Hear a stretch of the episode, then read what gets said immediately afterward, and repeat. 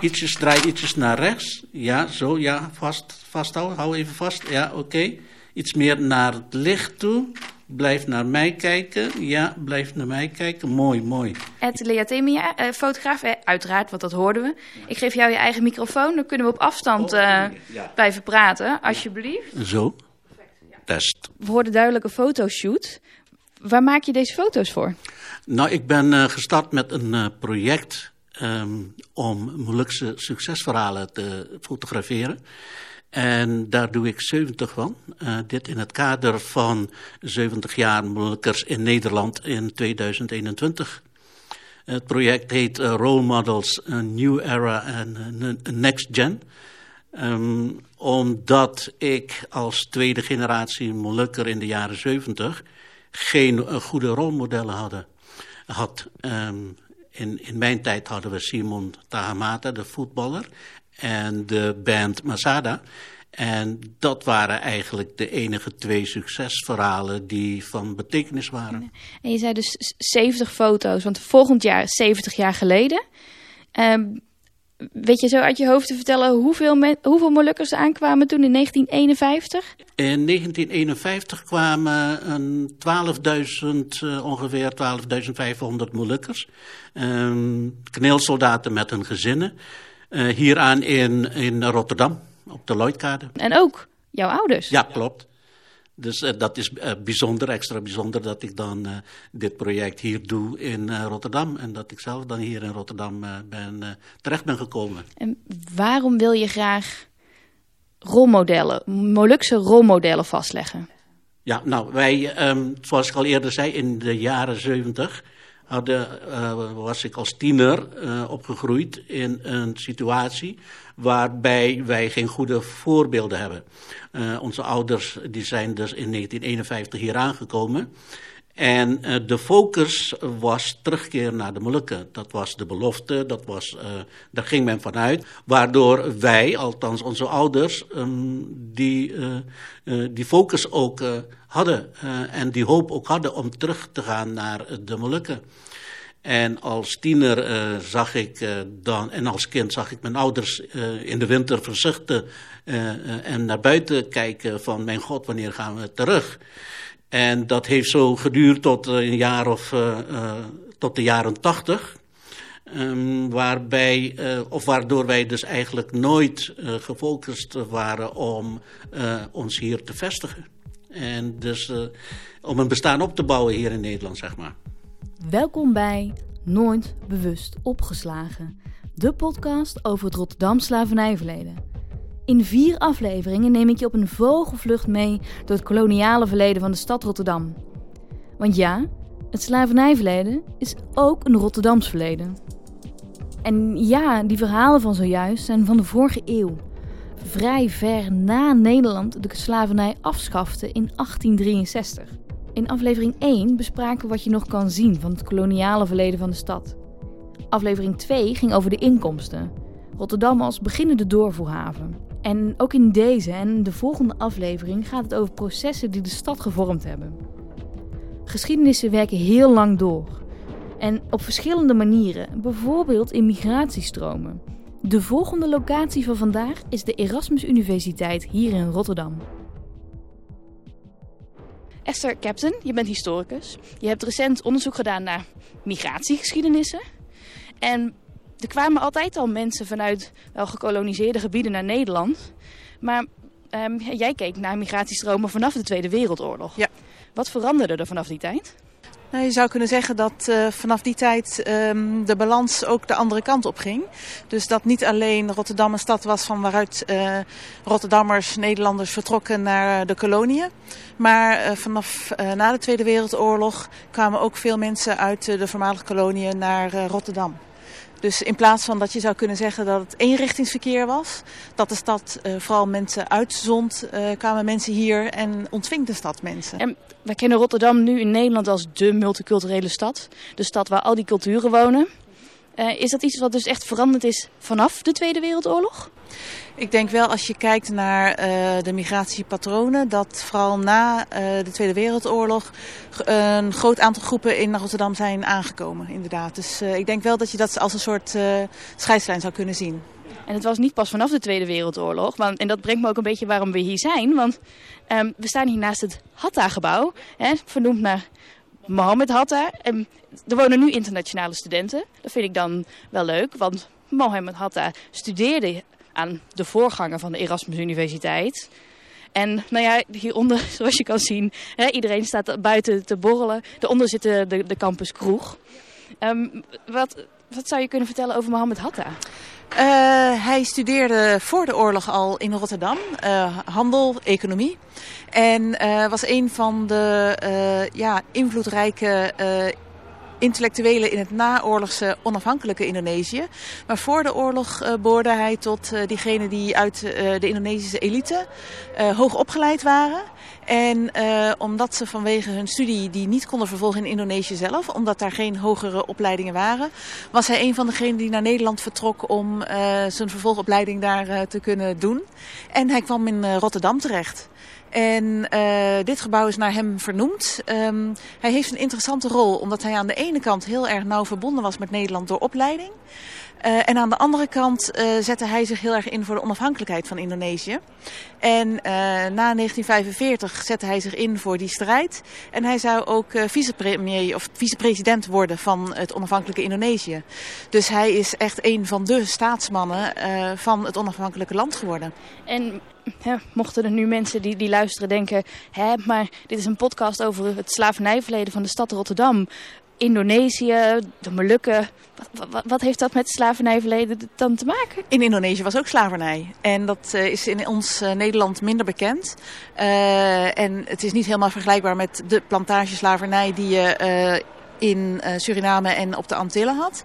Maar er was een, een zekere slavernij-economie. Waar ook uh, huisslaven uh, in dienst waren van, van Nederlanders. En uh, er waren ook plantages. En het was weliswaar na de afschaffing formeel door Nederland in 1863 van de slavernij. Dat er plantages waren in Indonesië. En waar de werkomstandigheden ook niet heel erg optimaal waren. maar daarvoor um, was er wel, wel degelijk sprake van slavernij in Indonesië. Mohammed Hatta is een periode in Rotterdam. Maar dat is niet de enige periode in Rotterdam die je beschrijft. Um, je stelde voor om nog naar een locatie hier net even verderop te lopen. Zullen we die kant op gaan? Dat is goed, ja. Al die mensen die naar Rotterdam kwamen, waarom kwamen ze naar Rotterdam? Uh, ik denk dat een havenstad uh, een bepaalde dynamiek met zich meebrengt uh, die aantrekkelijk is voor mensen die gewend zijn om te reizen. Voor mensen die een cosmopolitische insteek hebben. En uh, ja, wat we al hebben gezegd voor de oorlog waren er natuurlijk al studenten uit de overzeese uh, kolonies die uh, vanwege studiemigratie naar Rotterdam gingen. Zowel uit uh, Nederlands-Indië als Suriname en de Antillen. En uh, ja, ik kan me gewoon goed voorstellen dat Rotterdam in dat opzicht gewoon een aantrekkelijke stad was om je te vestigen vanwege die haven. Ja, hier rechts denk ik hè? Ja. En, ja, en um, ook vanwege de gemeenschap die er dan al was. Het is een havenstad, heeft ook iets, ja, toch iets, iets, iets dynamischer, misschien iets ruiger. Uh, vanwege alle nationaliteiten die hier zijn. En dat maakt het natuurlijk voor uh, mensen die van buiten komen wel interessant om hier uh, te kunnen wonen en, en studeren of werken. En waren al die mensen dan ook welkom in de stad? Verschillend, wel en niet. Um, voor mijn onderzoek naar uh, de migratie naar Rotterdam en van Rotterdam ook trouwens. Uh, na de Tweede Wereldoorlog zie je um, soms dat migranten uit uh, de overzeese gebieden werden verwelkomd. Ik heb stukken gevonden voor de ontvangst van de Molukkers in Nederland. Dat was na 1951. En daarin werd in bijvoorbeeld Capelle aan de IJssel echt uh, actie ondernomen door de ondernemers, de plaatselijke middenstand. Om vooral uh, een tweede woonoord voor Molukkers uh, te willen openen. Omdat dat voor hun heel gunstig was. omdat ze dan gewoon meer ja, konden omzetten. Dus het was goed voor de handel. een tweede Moluks woonoord kwam er niet. Dat werd tegengehouden door Rotterdam. omdat zij het gebied wat bestemd was voor woningbouw wilden gebruiken voor zichzelf, voor stadsuitbreiding. En dat werd Rotterdam totaal niet in dank afgenomen en vonden ze arrogant. en dat is wel leuk om te zien, want het beeld is vaak dat migranten werden geweerd. Maar in dit geval waren ze meer dan welkom, omdat het economisch heel gunstig was. Maar je zegt wel, het wisselt. Het wisselt, ja. Je ziet ook in de jaren 70, dus dat, dat is eigenlijk na de Molukse migratie uh, en onafhankelijkheid van Suriname en de perikelen rondom de jaren van uh, 1975, waarin uiteindelijk uh, de onafhankelijkheid was, dat veel Surinaamse Nederlanders naar Rotterdam ook kwamen en zich wilden vestigen. En dat bijvoorbeeld op de huizenmarkt, woningmarkt erg lastig was voor hen om iets te vinden. Omdat bijvoorbeeld in advertenties al werd gezegd, rijksgenoten, zo werden Surinaamse Nederlanders aangeduid, zijn niet gewenst. Dus als zij zouden reageren op een advertentie voor een woning die vrij was, ja, dan zouden ze sowieso geen kans maken. En, en waarom dan niet? Ik denk dat hier ja, vooroordelen een rol speelde dat uh, men liever niet een woning wilde huren aan iemand ja, die onbekend was, aan buitenlanders. Um, dat ja, daarin toch stereotyperingen een belangrijk um, onderdeel waren van ja, die willen we gewoon liever niet hebben. Maar mochten zij wel overal in Rotterdam wonen? Nou, in de jaren uh, daarna, in de jaren tachtig, werd een zogenaamd spreidingsbeleid ook uh, ingevoerd door de overheid. En uh, daar hadden ze een hele bijzondere term voor gevonden, gebundelde deconcentratie. Ik weet niet welke beleidsambtenaar dat heeft verzonnen. Maar toen ik het las dacht ik, ja, ja, daar kun je alle kanten mee op. Het kwam er eigenlijk op neer dat ze Surinaamse Nederlanders zoveel mogelijk in middelgrote steden wilden vestigen. En dat is dan ja, rond de 25.000 inwoners. Om ook... Um, ja, het, meer een soort, het was een soort spreidingsbeleid. Uh, niet, uh, het was niet de bedoeling dat ze bij elkaar gingen zitten en in ja, een soort wijk bij elkaar kwamen. Uh, dus dat staat eigenlijk weer haaks op de manier waarop Molukkers uh, zijn uh, ontvangen. Omdat die juist weer apart werden gezet. Dus je ziet ook in het overheidsbeleid een constant zoeken naar een manier om ermee om te gaan. En uiteindelijk um, is dat spreiding, dat de gebundelde deconcentratiebeleid is ook weer losgelaten. Omdat het ook niet werkte. Charles Landvreugd is een Rotterdamse kunstenaar. Hem tref ik op het Pijnakkerplein, midden in het oude noorden. Um, nou, het is best een uh, leuk verhaal, want ik kwam hier op het oude noorden wonen. En uh, uh, toen ging ik eens wandelen met mijn moeder in de buurt. En toen zei ze, oh, hier heb ik gewoond. Um, hier op de Tweede Pijnakkerstraat. Ik zeg, joh, vertel. Ze zei, ja, want toen ik naar Nederland kwam, in 1973 was dat... was het heel lastig om in Rotterdam woonruimte te vinden. En het de enige plek waar je woonruimte kon vinden was op Rotterdam-Noord. Dus wat er gebeurde is dat mensen heel erg veel in uh, pensions zaten. Uh, eigenlijk kleine kamers. Waar ze dan ook een stoofje hadden. En waar ze dan met uh, natte kranten de gaten in de muren dichtmaakten tegen de tocht. En dan vertelden ze dat dan s ochtends als je wakker werd... ja, dan had de kachel niet aangestaan. Maar er stond dus echt het ijs aan de binnenkant van, het, van de ramen. Uh, dus niet alleen maar ijs, hoe zeg je dat, ijsbloemen, maar gewoon echt letterlijk ijs. En uh, nou ja, goed, die groenteboer, die Hollandse groenteboer die hier op de hoek staat van de Zwart-Janstraat, die stof was het toen ook al. Die was het, was het toen al, dat is echt een bekende nu, ja. Ja, daar was toen al een, een Hollandse groenteboer.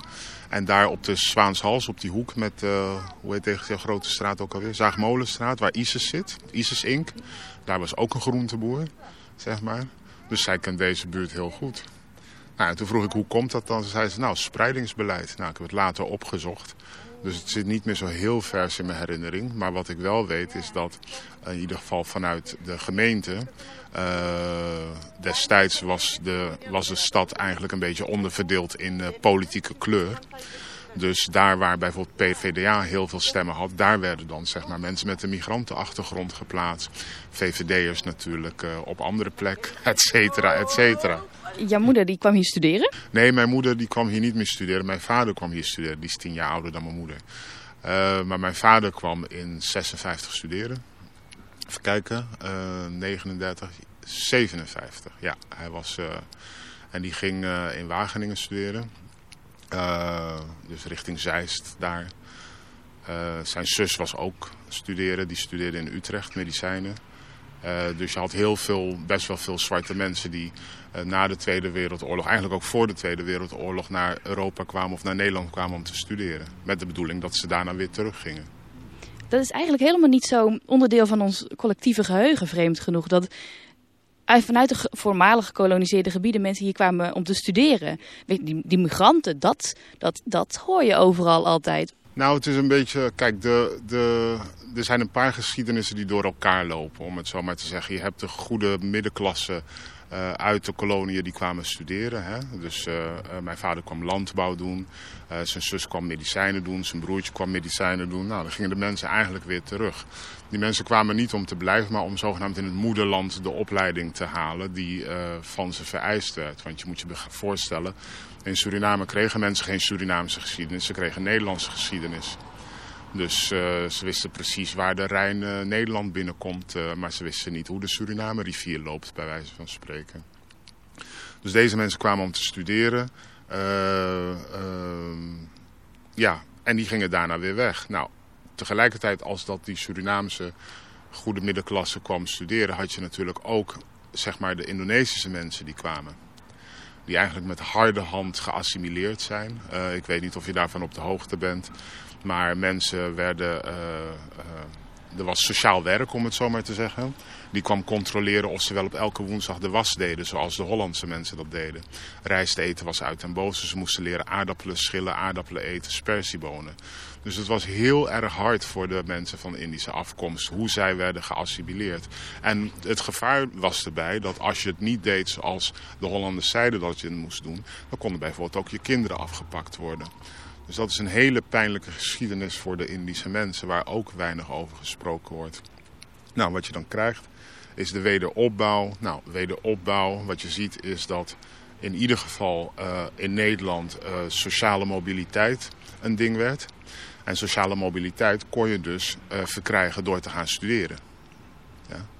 Dus je moet je voorstellen, toen mijn ouders bijvoorbeeld naar Nederland kwamen... waren ze verbaasd over het feit dat mensen geen douche hadden. Of dat ze... Uh, uh, nou ja, er waren heel veel gebruiken. In ieder geval waar mijn ouders over verbaasd waren. Want in Suriname hadden ze dat allemaal. En hier leefden mensen eigenlijk in vrij grote armoede. Um, dus waarom je niet zoveel hoort van die mensen ook. Omdat ze veelal meer geld hadden dan de lokale Hollanders waar ze kwamen studeren, om het zo maar te zeggen we hebben de wederopbouw gehad. Tijdens de wederopbouw op een gegeven moment al die mensen hun kinderen gingen studeren natuurlijk. Sociale mobiliteit. Iemand moest het werk doen. Wie moet dan het werk doen? Um, toen werden eerst de Grieken, Spanjaarden, Italianen werden naar Nederland gehaald om um, het werk te doen. Hè? Dus dan krijg je dus ook Italiaans ijs en zo, dat hele gebeuren. Nou, op een gegeven moment gingen die mensen weer terug die hadden er geen zin meer in. Of het kwam niet meer uit, of het ging weer beter in hun eigen land. En toen werden de Marokkanen en Turken aangetrokken om het werk te komen doen. Ja. Wat gebeurde er? Die Marokkanen en Turken die kwamen om het werk te doen, maar eigenlijk met de bedoeling dat ze terug zouden gaan. Wat gebeurt er in die tussentijd? Suriname wordt onafhankelijk. Nou, met de onafhankelijkheid van Suriname ontstond er een probleem. Want mensen konden of kiezen voor een Nederlands paspoort of voor een Surinaams paspoort. Ja, dus ze konden of Nederlander blijven of Surinamer worden. Nou, heel veel mensen kozen ervoor om Nederlander te blijven. En dat betekende dus dat ze dus en masse naar Nederland verhuisden. Dus je hebt die eerste groep, die kwam studeren. Sommigen bleven, die trouwden met Nederlandse meisjes of Nederlandse jongens. En die tweede groep, dat is eigenlijk die groep die komt rondom die onafhankelijkheid van Suriname ergens tussen, laten we zeggen, pak een beet, uh, 70 en 80. Nou, die grote groep, uh, die had feitelijk een probleem. Want de mensen hadden zoiets van waar komen al deze mensen vandaan. Ze werden ontzettend gediscrimineerd. Kun jij um, als Rotterdammer wel van Rotterdam houden dat je weet dat spreidingsbeleid en dat, dat mijn moeder moeilijk een plek kon vinden. Kan je dan nog steeds wel van de stad houden als je weet dat dat onderdeel is? Tuurlijk hou je van de stad. Ik ben van Rotterdam, ik ben van West. en nu een beetje van Noord. Ja, nu een beetje van Noord, maar ik ben van West. Ik hou van Rotterdam. Het leuke aan Rotterdam vind ik dat... Ik weet nog, toen wij klein waren, dan zei je een keertje vieze Turk en dan zei hij vieze Suriname. Nou, dan was je uitgeluld. Daarna was er niks meer, want je kon niet door blijven gaan met die andere kaaskop roepen, noemen. En we waren met zoveel verschillende etniciteiten uh, in de buurt, op school, uh, in de klas. Uh, waarmee je sportte, waarmee je ging dammen, waarmee je bij de buurtsociëteit was. Dat er voor mij zeg maar, het verschil in etniciteit en geloof, dat is niet iets um, opmerkzaam. Het is meer ja, onderdeel van, van wat het is. Dus als je bijvoorbeeld hebt over, als we het hebben over diversiteit. Diversiteit is iets wat speelt in de hoofd van witte mensen. Voor, voor iemand, voor een zwarte persoon of iemand met een migrantenachtergrond, die heeft zich altijd al moeten verhouden tot meerdere culturen en meerdere gebruiken en meerdere manieren van zijn. En die draagt dat dan ook wel in zich. Um, dus diversiteit is meer voor mensen die zich nooit hebben hoeven te verhouden zeg maar, in hun dagelijkse bestaan tot anderen. Dus als ze zeggen dat Rotterdam nu de multiculturele stad is, de diverse stad is? Rotterdam is gewoon Rotterdam. Dat is wat het is. Rotterdam is divers in de, hoofd in de hoofden van beleidsmakers, omdat ze niet weten hoe ze ermee om moeten gaan. Rotterdam is gewoon Rotterdam? Rotterdam is gewoon Rotterdam. En die Turkse of Marokkaanse of Antilliaanse of Kaapverdische jongen of meisje waar ik mee ben opgegroeid, wij spreken elkaar daar niet op aan. Wij spreken elkaar erop aan op het feit dat we Rotterdam zijn. Dat is hetgene wat ons bindt. Laten we nog teruggaan naar de zoektocht naar Honingerdijk 70. Ik, ik zie trouwens ook dat, dat waar we nu lopen is ook de Honingerdijk. Ook hier beneden dus. Ja, ik ben ook even aan het zoeken. Want we zijn op zoek naar, naar nummer 70 zijn we naar op zoeken. Ja, dat klopt. Uh, ik kijk hier naar Honingerdijk 107... 27, ja. 27, ja. Dan zouden we moeten aflopen en daar terechtkomen. Als het zou kloppen nog met um, de huisnummers van voor die tijd, en dan heb ik het over de jaren 60, eind jaren 60, dan is dat uh, het katholiek internaat waar mijn vader, geboren in Indonesië in een uh, Indisch-Chinese familie in Jakarta, op een internaat heeft gezeten. Want toen deed hij hier de zeevaartschool. Ik ben hier nog nooit eerder geweest. Um, omdat ik eigenlijk voor het eerst me bezig heb gehouden met dit deel van de geschiedenis. En ook bleek mijn familiegeschiedenis te zijn. En in zijn fotoalbum heb ik dus uh, foto's gevonden en ook het adres waar uh, dit internaat was. Dus ik vind het wel heel spannend om te kijken of we het zouden terugvinden. Wat voor foto's trof je aan in dat fotoalbum? Uh, hij heeft het gemaakt in de tijd dat hij studeerde. Uh, en dat was, uh, hij zat hier in Rotterdam op kamers, terwijl zijn ouders die woonden toen nog in Arnhem. En uh, je ziet hem als student aan de zeevaartschool met allemaal morseapparaten die hij, hij moest morsen leren om te kunnen communiceren. En medestudenten. En wat ik leuk vind om daaraan te zien is dat hij vooral optrok met ook andere Indische, Chinese en Surinaams-Antilliaanse jongens die studeerden. En wat je net al zei, of vroeg naar wat maakt ja, Rotterdam zo interessant ook voor um, deze studenten. Dat de mensen van overzee elkaar ook weer opzochten. En elkaar blijkbaar daarin vonden. Uh, en ook een soort levenswijze hadden. En met elkaar optrokken. Dus dat is wel erg leuk om te zien dat Oost en West zich destijds met elkaar mak makkelijk vermengden. En dat ze daarin een soort band ook hadden. Een soort uh, postkoloniale band zou je het kunnen noemen. Kan is hier op dit hele grote villa-achtige kantoorpand nu. Geen huisnummer. Of we moeten even kijken. Oh ja, laten we eens kijken. Dit is ook de Honingerdijk, dus dat zou misschien nog wel eens kunnen. Want dit is wel wat ja. je verwacht bij een gebouw wat als internaat heeft uh, gefunctioneerd. Dit is precies wat ik daarbij verwacht. Hoge ramen, hoog plafond. Maar het staat wel leeg, hè? Dit is nummer 64. Nou ja, sowieso heeft hij in deze straat gelopen. en dat is ook wel een... Uh, ja, bijzondere gewaarwording, omdat ik weinig over die tijd uh, weet. En hij was toen uh, ja, twintig. En uh, ja, daar kom je verder niet zo heel veel over te praten uh, als uh, kind. Tenzij je daar echt een reden van hebt. 56, zij ja, loopt af. Dit is 56. Nee, dan moet hij toch meer terug zijn. Dit is wel allemaal het soort panden wat je verwacht. Hè? Laten we de trap omhoog gaan, kunnen we kijken. Ja. Verhalen over studententijd zijn vaak dingen die nogal eens terugkomen. Ja, en het, vreemd genoeg Um, heb ik daarover nagedacht natuurlijk. Van waarom komt het eigenlijk dat ik daar niet zoveel van af weet. Uh, en ik denk eigenlijk dat verhalen over Indonesië... dat die meer voor de hand lagen om naar te vragen dan per se de ja, drie, vier jaar dat hij in Rotterdam is geweest als uh, student aan de zeevaartschool. Hoewel ik moet zeggen dat die zeevaartschool wel weer tot de verbeelding sprak. Maar mijn vader is nooit gaan varen. Dus uh, daarna is hij in dienst gegaan bij de luchtmacht. en daar was hij ook erg gek op, op vliegtuigen. Dus toen is dat hele zeevaartverhaal uiteindelijk niet doorgegaan. Even kijken, 41... Het is een soort zoekplaatje. We kunnen gauw oversteken. Ja. ja. je zou niet denken dat het hier aan deze kant zou zijn, hè? Dit zijn panden waar ik me nu studentenkamers in voorstel. Ja.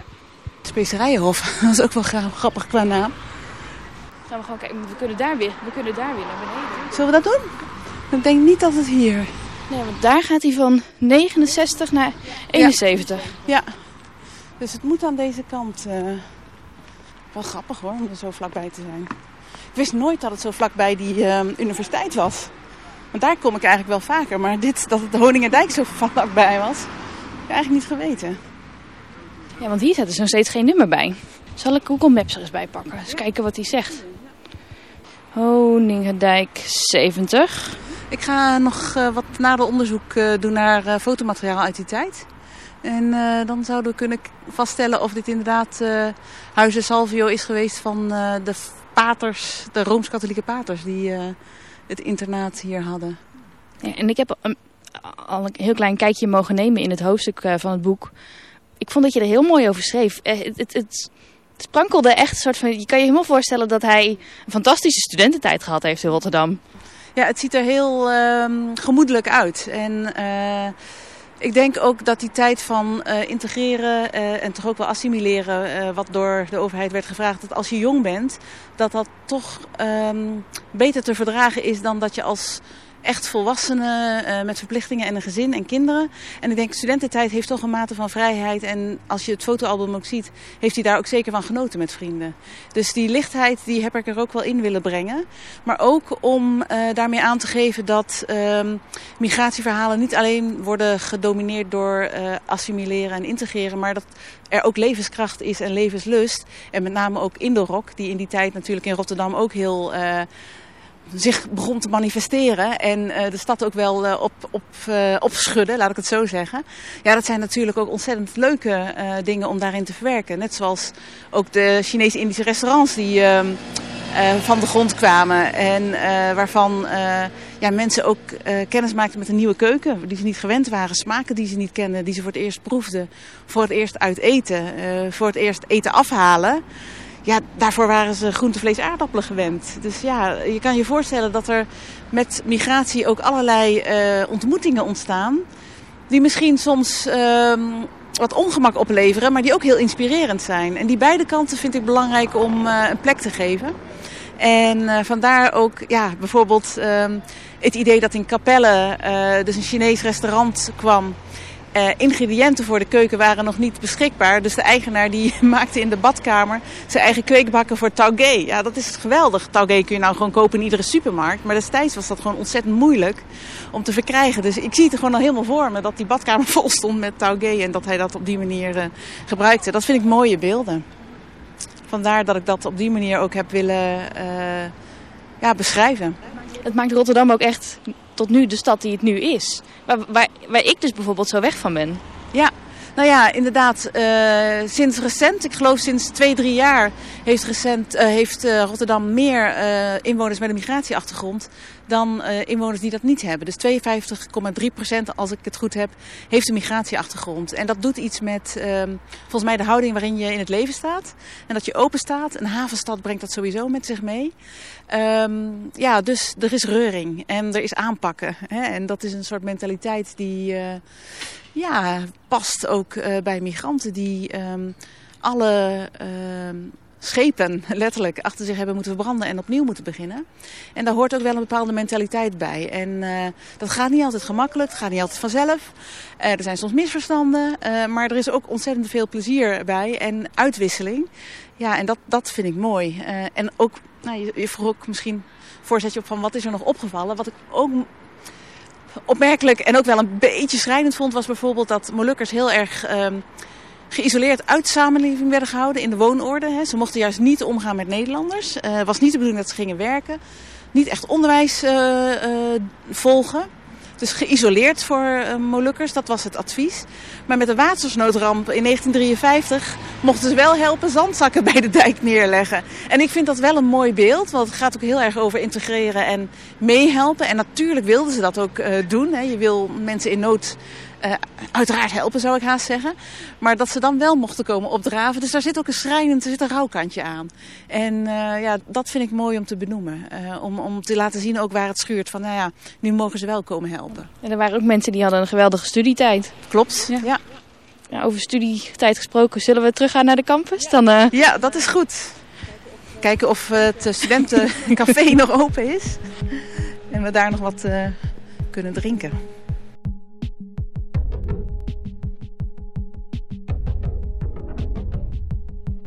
Mag ik een sneak peek uh, krijgen van, van, van, wat je al hebt uh, gefotografeerd, van wie je al hebt gefotografeerd.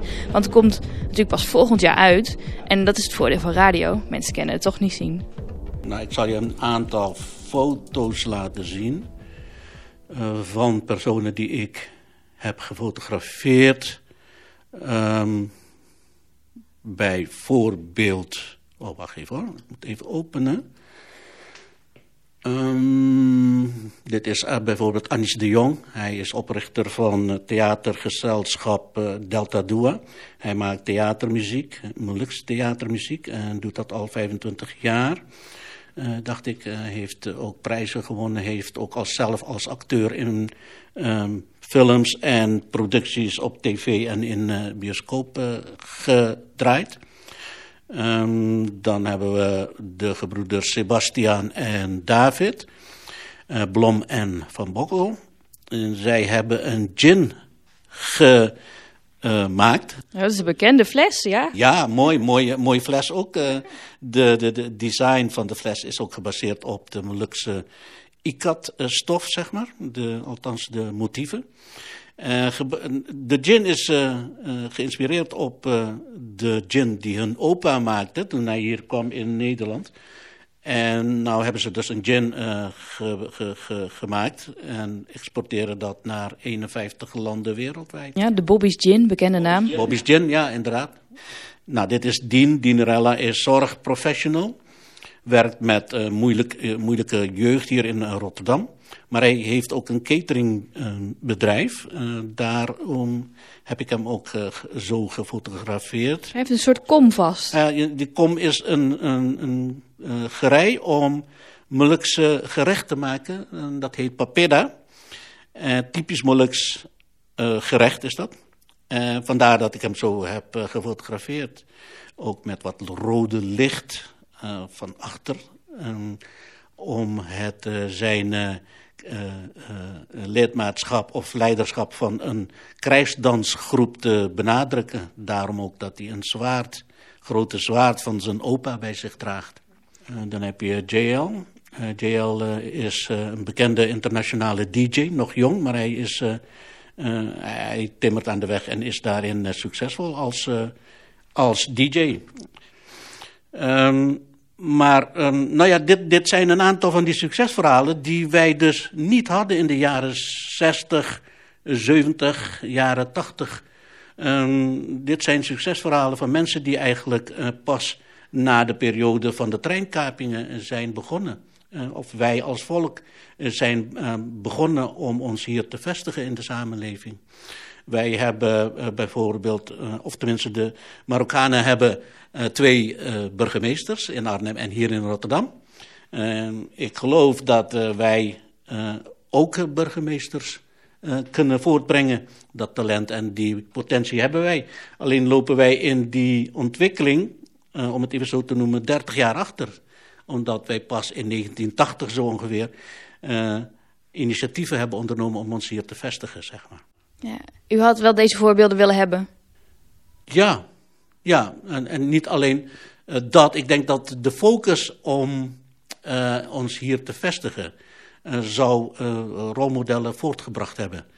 En in, in tegenstelling tot de focus die wij hadden om terug te gaan naar de Molukken. Um, En, wat ook heel veel leed en boosheid uh, uh, heeft doen ontstaan bij de generatie van toen. Ik zelf ben toen ook opgegroeid met die frustratie van uh, wat doe ik hier en waarom zijn we hier en waarom mogen mijn ouders niet meer terug, waarom gaan we niet terug. Dat heeft geresulteerd in drugsgebruik en criminaliteit. en in, in mijn tijd was dat heel erg, heel nou, een groot probleem. Zelf ben ik ook verslaafd geweest aan heroïne. En, maar gelukkig ben ik daar goed vanaf gekomen.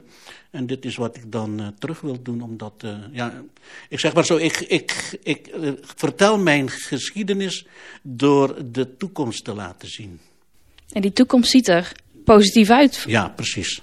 En in, het is sowieso, in het algemeen is het goed om rolmodellen te hebben in je leven, waar je aan kan vasthouden, die voor jou een voorbeeld kunnen zijn. Dat kan hier in Rotterdam zijn of in welke stad dan ook, en onder welke bevolkingsgroep dan ook.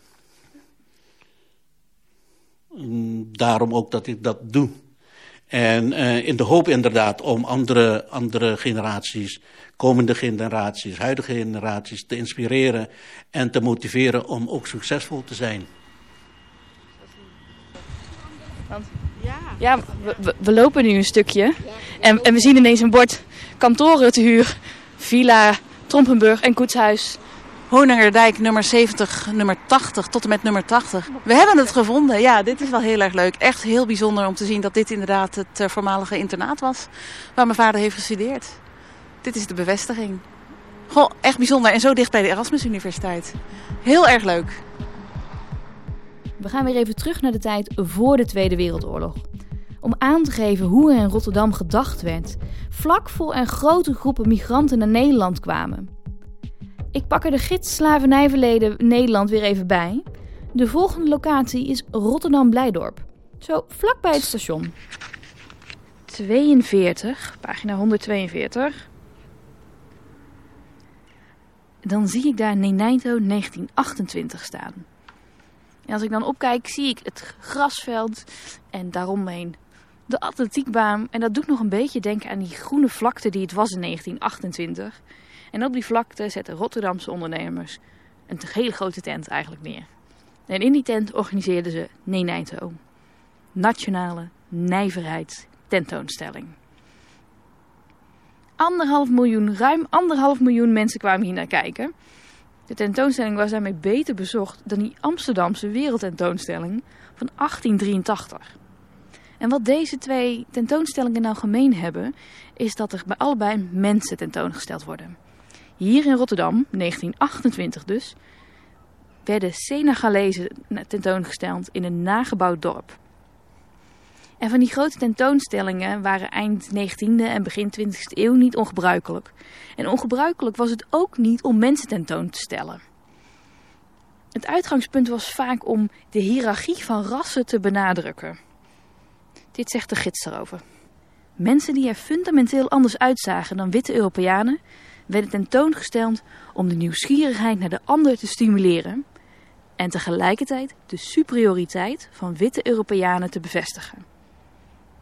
Dit was dus ook het Rotterdam waar al die migranten vlak na de Tweede Wereldoorlog in terecht kwamen.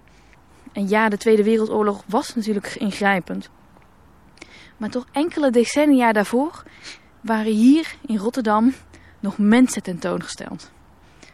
Omdat ze er anders uitzagen dan witte Europeanen. Slechts 12 jaar voor Nederland bezet werd in de Tweede Wereldoorlog, werden er zwarte mensen tentoongesteld in Rotterdam. Alles om het wij-zij-denken maar te versterken. En je moet het ze nageven, het is ook aardig gelukt. Het is niet altijd oppervlakkig, het zit soms dieper dan dat je zelf doorhebt. Zo biechtte ik ook op aan Rotterdamse historicus Guillaume Goedhoop. Ik had als werktitel voor deze aflevering ehm, toen zij naar Rotterdam kwamen. Want dat vond ik zo'n leuke speling op toen zij van Rotterdam vertrokken. Ik werd erop gewezen dat ik zo migranten of mensen met een migratieachtergrond wel heel erg als de ander, als anders, als zij, wij neerzetten. Um, dus zo, weet je wel, zo super subtiel kan het zijn. Zie jij dat wij zij denken ook, ook nog terug in Rotterdam, uh, Gionne? Ja, ik denk dat dat een vraag is die eigenlijk ik mezelf die vraag niet eens meer stel. Um, alhoewel we in Rotterdam ook uh, een soort van hybride culturen nu hebben, of een hybride cultuur hebben, bijvoorbeeld straatcultuur, dat voor mij net zo een belangrijke cultuur is als andere type culturen die we terugzien in de stad. Um, dat gebouwd is uit de bouwstenen van verschillende migratiestromingen die naar Rotterdam zijn gekomen. Um, waarbij je nieuwe talen krijgt, zoals met straatcultuur. Dus je hebt, je hebt in, in die zin dat soort nieuwe culturen, noem ik dat. Of culturen die er eigenlijk hybride vormen. Of, um, ik hou zelf niet van het woord uh, gecreoliseerd, omdat dat een hele koloniale term is. Dus ik gebruik even het woord hybride. Een nieuwe vorm is van samen zijn binnen het anders zijn. En nogmaals, zoals bij alles vind ik dat we in publieke domeinen, als we deze vragen met elkaar uh, als je me dat nu vraagt, maar in het algemeen als we het hierover hebben met z'n allen, ook binnen de geschiedschrijving, maar in het, algemeen discours, is um, hoe, hoe komt het dat wij überhaupt zo in wijsheid denken zijn beland? Waar is daar een er, wat, is, wat is daar het er, de erfenis van? Um, alleen al het feit bijvoorbeeld um, als je ook kijkt naar toegang en het feit dat jij deze podcast maakt en in je eigen journey gaat testen. En uh, maar ook ziet van hoe kan je faciliteren of hoe breek je dat open voor de verschillende perspectives. Um, heb je het ook over welke posities bekleden we. En dat, dat heeft te maken met de economische positie, maar ook in ja, de type huidskleur dat je hebt of de gender die je, uh, je mee identificeert of die op je geprojecteerd wordt. Um, we leven in een samenleving met heel veel complexi complexiteiten. En ik denk dat een van de kernerfenissen van het koloniaal, van het koloniaal verleden van 400 à 500 jaar geleden van onder andere Nederland het klassistische daarin en het letterlijk het rangschikken van waarden van mensen en het uh, de namen weghalen van mensen bijvoorbeeld, dat tot slaafgemaakten geen achternaam kregen. Dat dat een vorm is van ontmenselijking van, dat is een hele, uh, hele heel duidelijke voorbeeld. Maar dat al dat soort type klassificeringen dat ook te maken had met huidskleur bijvoorbeeld in de uh, voormalige koloniën. Dat als je uh, lichter was in huidskleur, dat je dan ook meer waarde had. En dat had ook weer te maken met de type positie die je bekleedde op de plantages. Werkte je binnen of werkte je buiten? Ja, hoe lichter, hoe, ja. Um, hoe lichter je huidskleur, hoe makkelijker het werk? Is dat als nee, hoe lichter je huidskleur, hoe... Ik zou zeggen dat zeg ik heel voorzichtig, maar misschien op een bepaalde manier in de violent context dat het was, wat meer uh, privilege je kon genieten. Um, want als een uh, dat slaafgemaakte uh, vrouw die binnenwerkte, bijvoorbeeld, um, die, die werkte binnen. Dus die hoefde bijvoorbeeld niet de hele dag ook in de zon uh, te werken. Betekent niet dat ze niet hard werkten. Maar degene, de mensen die op de plantages buiten werkten, die waren alleen al een factor om te benoemen dat je de hele dag in een brandende zon misschien zonder schoenen aan het werk was. Ik zeg maar wat. Dus al die notions, al die koloniale rangschik, het rangschikken van wie belangrijker is door welke positie, dat hebben we net als voorbeeld genomen. Door uh, de huidskleur dat dat daar ook uitmaakte. Als we ook kijken naar de huidige arbeidsmarkt en dat we bijvoorbeeld hoorden dat um, hoe de Belastingdienst zwaar, uh, ja, dat daar ook op rangschikt, zeg maar. Zie je al die erfenissen van vroeger uh, van dat verleden terug in het hier en nu, maar dan in een heel ander jasje. Dus ik denk dat het wij, zij denken per definitie nog in ons hoofden leeft. En um, Sendu Hira heeft daar een boek over geschreven, onder andere, hij is niet de enige, maar over decolonizing your mind. Wat, als we iets moeten doen, en als je zegt we need to decolonize our mind, betekent dat dat er iets daarvoor af is gegaan. En dat dit zijn de type dynamieken die daarvoor af zijn gegaan. En ik denk daardoor ook dat, als je me vraagt van het wij zij denken, ik denk dat dat niet eens een vraag is die het is goed dat het expliciet gesteld wordt, maar ik stel, ik stel me het zelf niet meer expliciet. Omdat dat gewoon is de belevingswereld die ik om mij heen zie. Wij leven nog in ehm, een soort van grote naschok van dat verleden. Dus dan is het per definitie dat er nog een wijsheid denken bestaat. Ja, jij ziet dus dat het onderdeel is, ga gewoon onderdeel is van de stad, van alles. Maar zoals ik al tegen Esther zei, ook die migratie naar Rotterdam en die diversiteit aan restaurants, aan mensen, achtergronden, et cetera, et cetera, et cetera, heeft er wel voor gezorgd dat dit Rotterdam is. En ik ben helemaal weg van Rotterdam. Ik vind Rotterdam een fantastische stad. Dus hoe zou, weet je, hoe kan ik dan toch nog als anders zien? Terwijl het is gewoon onderdeel van mijn stad.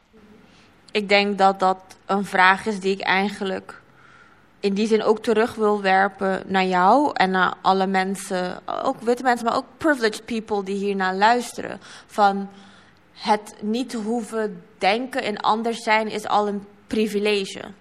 En uh, een soort van vanzelfsprekendheid waar, waar je door het leven heen gaat van, oh, dit is zo, dit is cool. En ook een voor mij heel duidelijke um,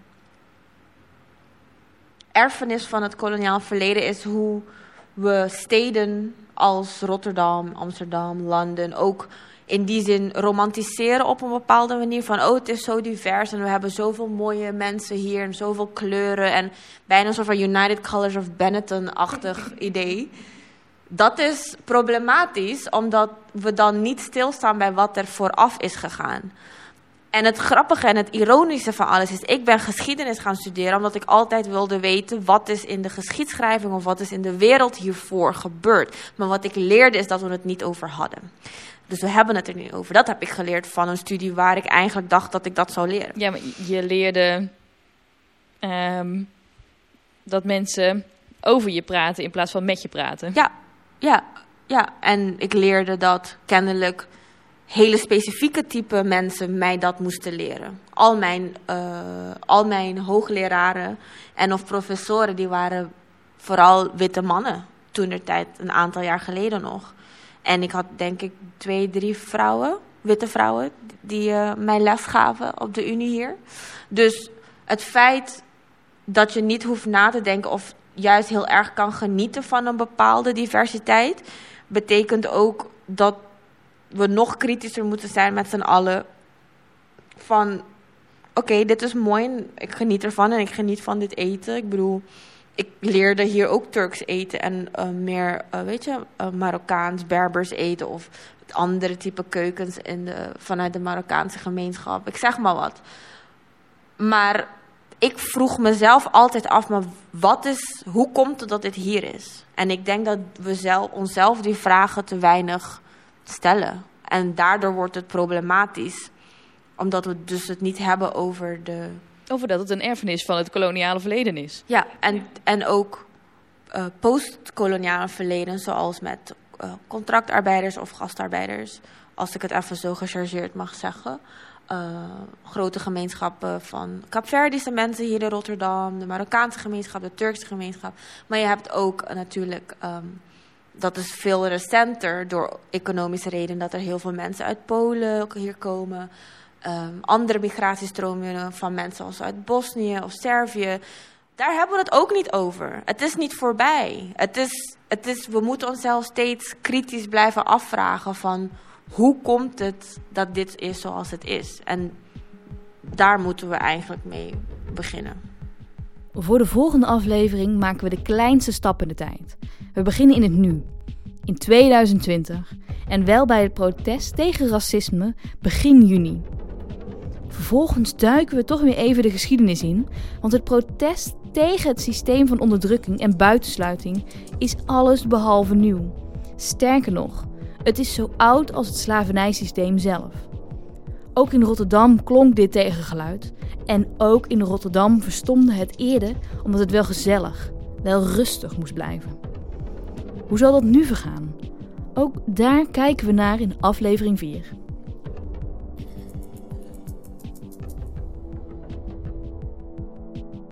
Deze podcast werd gemaakt door mij, Tessa Hofland, en is mede mogelijk gemaakt door de gemeente Rotterdam en het Mondriaan Fonds. het Publieke Stimuleringsfonds voor Beeldende Kunst en Cultureel Erfgoed. Op de Instagram van Nooit Bewust Opgeslagen vind je meer foto's en ook meer informatie. Tot de vierde en laatste aflevering van Nooit Bewust Opgeslagen, de podcast over het Rotterdam slavernijverleden.